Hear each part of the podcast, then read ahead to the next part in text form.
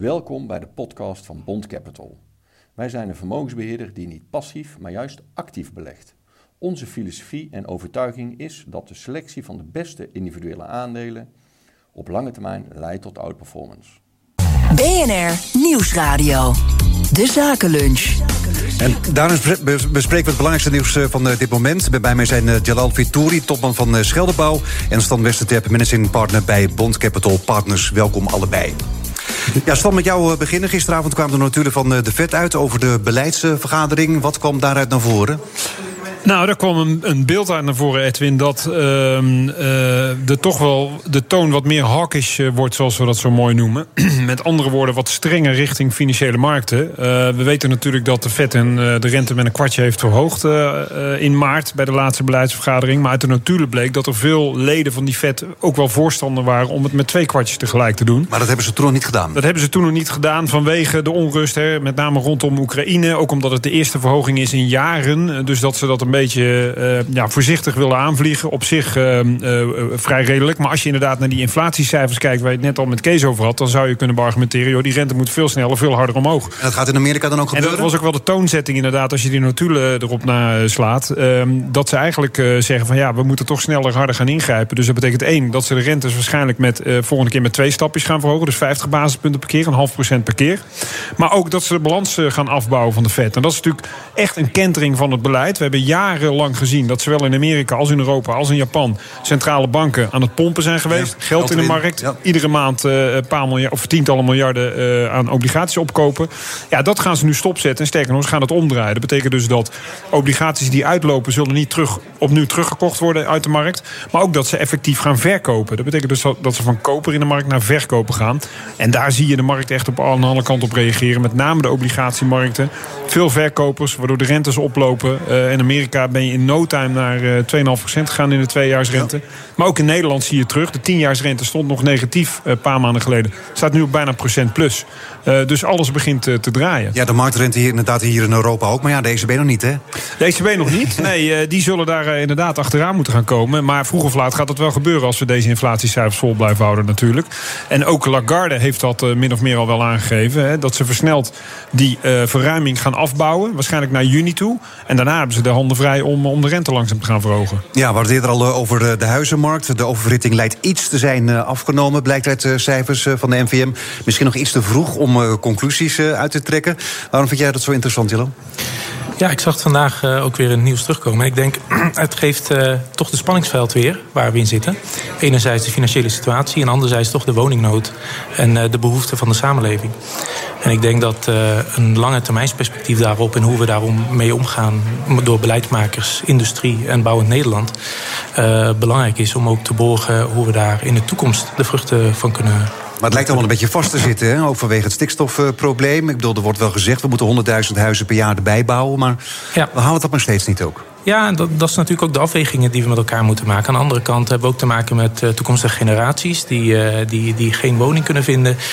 Uh, en die wellicht ook op basis daarvan keuzes maken wanneer een gezicht is, gezin te stichten. Ja, en dat kan ook weer impact hebben op de vergrijzing. Hè? Ja. We moeten de vergrijzing ook bekostigen. Dus ik denk, dat viel mij op uit het nieuws. Ik denk, ja, daar, daar zijn verschillende belangen die we wel moeten afwegen. En ik denk, een lange termijnsperspectief daarop is, is belangrijk. Dus die daling is op zich positief, maar we moeten er niet vergeten dat we ondertussen ook wel heel veel huizen erbij moeten moeten bouwen. Exact, dat is exact, het eigenlijk. Exact. Ja, Stan, eh, dan het eh, vertrek eh, van Shell. Shell heeft vanochtend bekendgemaakt ja. dat het ja, 4 tot 5 miljard gaat kosten hè, om weg te gaan uit Rusland. Ja, kosten is tussen haakjes. Het is een afschrijving, dus het is geen cash-out. dat betekent eigenlijk dat de projecten die ze daar hebben, dat ze die gaan, gaan afwaarderen. ja, de vraag is even tot wat, maar je zou kunnen argumenteren tot nul. Maar dat betekent niet dat je het niet meer in bezit hebt. Dan zal echt de Russische overheid bij wijze van spreken dingen moeten gaan afpakken van Shell. dat zou kunnen, maar dat stond nu toe nog, volgens mij nog niet echt, uh, echt gebeurd. Maar het is duidelijk, Shell trekt zich terug uit Rusland. En de kosten daarvoor die zullen ongeveer 5 miljard bedragen. Nou, is toch pittig. Wat zijn de gevolgen verder voor Shell dan? Nou ja, dat is wel grappig. Ze zeiden dat de, of grappig, ze zeiden dat de afschrijving uh, in eerste instantie niet ten koste gaat van de operationele winst. dus dat is prettig. nogmaals, het is ook geen cash-out. Het is een, een, een, afwaardering eigenlijk van, van iets wat je in bezit hebt. en, ja, en onderliggend gaat het natuurlijk niet zo heel erg slecht met Shell als we kijken naar wat de olie- en de gasprijzen hebben gedaan uh, de afgelo het afgelopen jaar al. En zeker de versnelling die er is gekomen. Uh, naar aanleiding van de oorlog in, in Oekraïne. En dit is ook wel het moment even wat breder pakken. Dat je ziet dat bedrijven met nieuws komen. Want we zijn natuurlijk het eerste kwartaal is achter de rug. Dus als je positieve outlook hebt of je hebt een winstwaarschuwing, dan is dit ongeveer de window of opportunity om het zo maar te zeggen, om naar, om naar, buiten te komen. Ja. ja maar, maar, ze verkopen het niet. Ik bedoel, ze houden het. Ja. Ze doen wel die afschrijving. Ja. Maar het zou dan misschien nog kunnen in de toekomst dat het misschien wel weer meer waard wordt.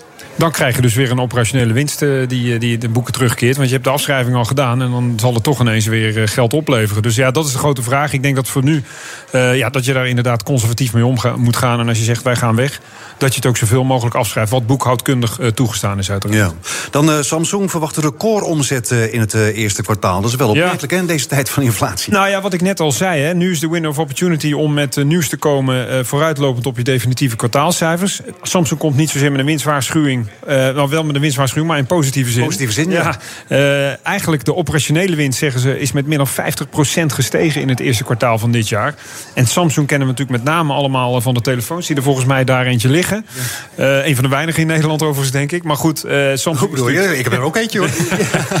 nou ja, Nederlanders, West-Europeanen zijn toch meer wat op Apple gericht. Maar Samsung, de rest van de wereld, is met name Samsung natuurlijk. En je ziet dat de high-end phones doen het qua verkoop ontzettend goed. Maar daarnaast ook, Samsung is echt een chipproducent, uh, geheugenchips. ja, dat, dat, dat, dat, dat, dat draait als een dolle. Hè. De chiptekorten die we hebben, waar we het continu over hebben... dan zie je dat dat Samsung bepaalt geen, uh, geen windeieren legt. En daarom vond ik dit, dit bericht erg opvallend in, in het kader van oplopende rentes, oplopende inflatie. Nu zie je de bedrijfscijfers erbij gaan komen. En het eerste wat we tot nu toe zien is nog niet heel erg slecht. Maar ze hebben geen last van de grondstoffenproblemen.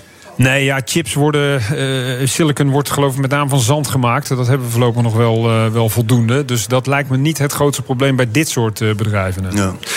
Jalal, jij wilt het graag nog hebben over het Kamerdebat op dit moment. Over Hugo de Jonge en de mondkapjesdeal met Siebert van der Linde. Ja, wat vindt u van de situatie? Ja, um, nou waar ik het graag over wilde hebben, niet zozeer mijn persoonlijke mening daarover, maar meer ook in het kader van leiderschap. Hè, want ik begrijp, we zitten hier bij een congres waar het ook over leiderschap gaat. En um, als ik de berichtgeving zo lees, dan zie je ook hoe uh, fragiel eigenlijk een leider hè, uh, uh, in, de, in de media kan komen. En hoe en de integriteit, hoe belangrijk dat is. Ja. En uh, vaak is het zo, en, en, dat geldt ook voor mezelf... ik ken niet alle ins en outs, ik weet niet welke beweegredenen er zijn gedaan. Dus het is heel snel, trekken wij een bepaalde mening... of hebben we een mening over een bepaald iets... En vaak is het, uh, vind ik, beter, en dan zo proberen we dat in onze organisatie te doen... kijken naar feiten, gesprekken aan te gaan van elkaars begrips... Uh, maar de Tweede Kamer kijkt daar nu nou toch naar, naar ja, de feiten... Ja, ja, en hoe het allemaal gegaan is. Exact. Alleen als maar ik je vindt eigenlijk al dat hij, te, dat hij te veel van tevoren... dat alle, alle dingen die zijn uitgelekt, dat er eigenlijk al een oordeel is gevormd?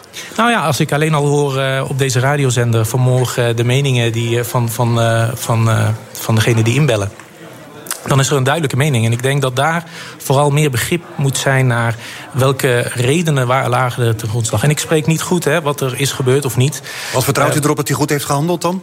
Ja, ik denk dat vooral belangrijk is dat er integer wordt gehandeld. En ik denk dat dat de. Ik zou graag dat gedaan in dit. Uh, dat zou ik vanuit het Kamerdebat graag willen terugzien of dat ook zo is gebeurd. Oké. Okay. Ja. Jelle, uh, Stan, heb jij nog een vraag voor Jelle? Ja, ik was eigenlijk benieuwd. Kijk, het is, jullie zitten in de bouw. Heel makkelijk om meteen over inflatie en oplopende ja. kosten en dat soort ja. zaken te, uh, te, vragen. Dat wilde ik nu een keer niet doen. Ehm, jullie zijn specifiek, zag ik, in gevelbouw ehm, ja, eigenlijk toonaangevend. Um, zit daar veel innovatie in. En dan denk ik met name ook aan energietransitie. Je ziet tegenwoordig wel eens uh, uh, projecten uh, in de markt komen... waarbij ook zonnepanelen bijvoorbeeld tegen gevels aan worden, worden geplakt. Is er ja. iets waar jullie ook naar kijken... waar jullie serieuze opties in zien ontstaan? Ja, zeker. zeker. ja, het duurzaamheidsvraagstuk is natuurlijk ook bij ons een heel goed topic. En dat is niet alleen van nu, maar daar hebben wij ook in het verleden... hebben wij daar ons altijd mee bezig gehouden. Ik was eerder aan het vertellen dat in een andere setting... dat wij een innovatie hebben gedaan zo'n jaar of tien terug. Wat nu vooral in Engeland, wij bouwen heel veel in Londen. In Londen heel veel verkocht wordt. En dat is de CCF. En dat is eigenlijk een, een bepaalde typologie waarbij we de performance, dus de, de, de, de kwaliteit van een dubbele huidgevel realiseren. Dus ook op basis van warmteverlies, uh, lichtinval, akoestiek. Maar wel met de exploitatiekosten. Want vaak is dat bij een gevel het duurste aspect niet zozeer het koop van een gevel, maar het exploiteren in de komende 20 uh, of, of, of 15 jaar. Wel de exploitatiekosten van een enkele huidgevel. En, uh, en, dat is een van de innovaties. En wij zijn continu bezig met innova andere innovatie waar we recentelijk hebben gedaan. We zijn natuurlijk ook met de renovatie, uh, niet alleen nieuwbouw, maar ook in de renovatietak. Um, en we hebben ook een, uh, een, project waar we bestaande materialen eigenlijk hergebruiken in een ander project. en zodoende proberen aan duurzaamheid te Nou, we gaan er zo meteen uitgebreid verder over praten. Stan Westerterp, dankjewel voor je komst. En zometeen praat ik Bedankt voor het luisteren naar onze podcast. Wilt u meer weten over Bond Capital? Kijk dan op onze website www.bondcapital.nl. Indien u wilt worden gebeld, mail dan naar podcast.bondcapital.nl.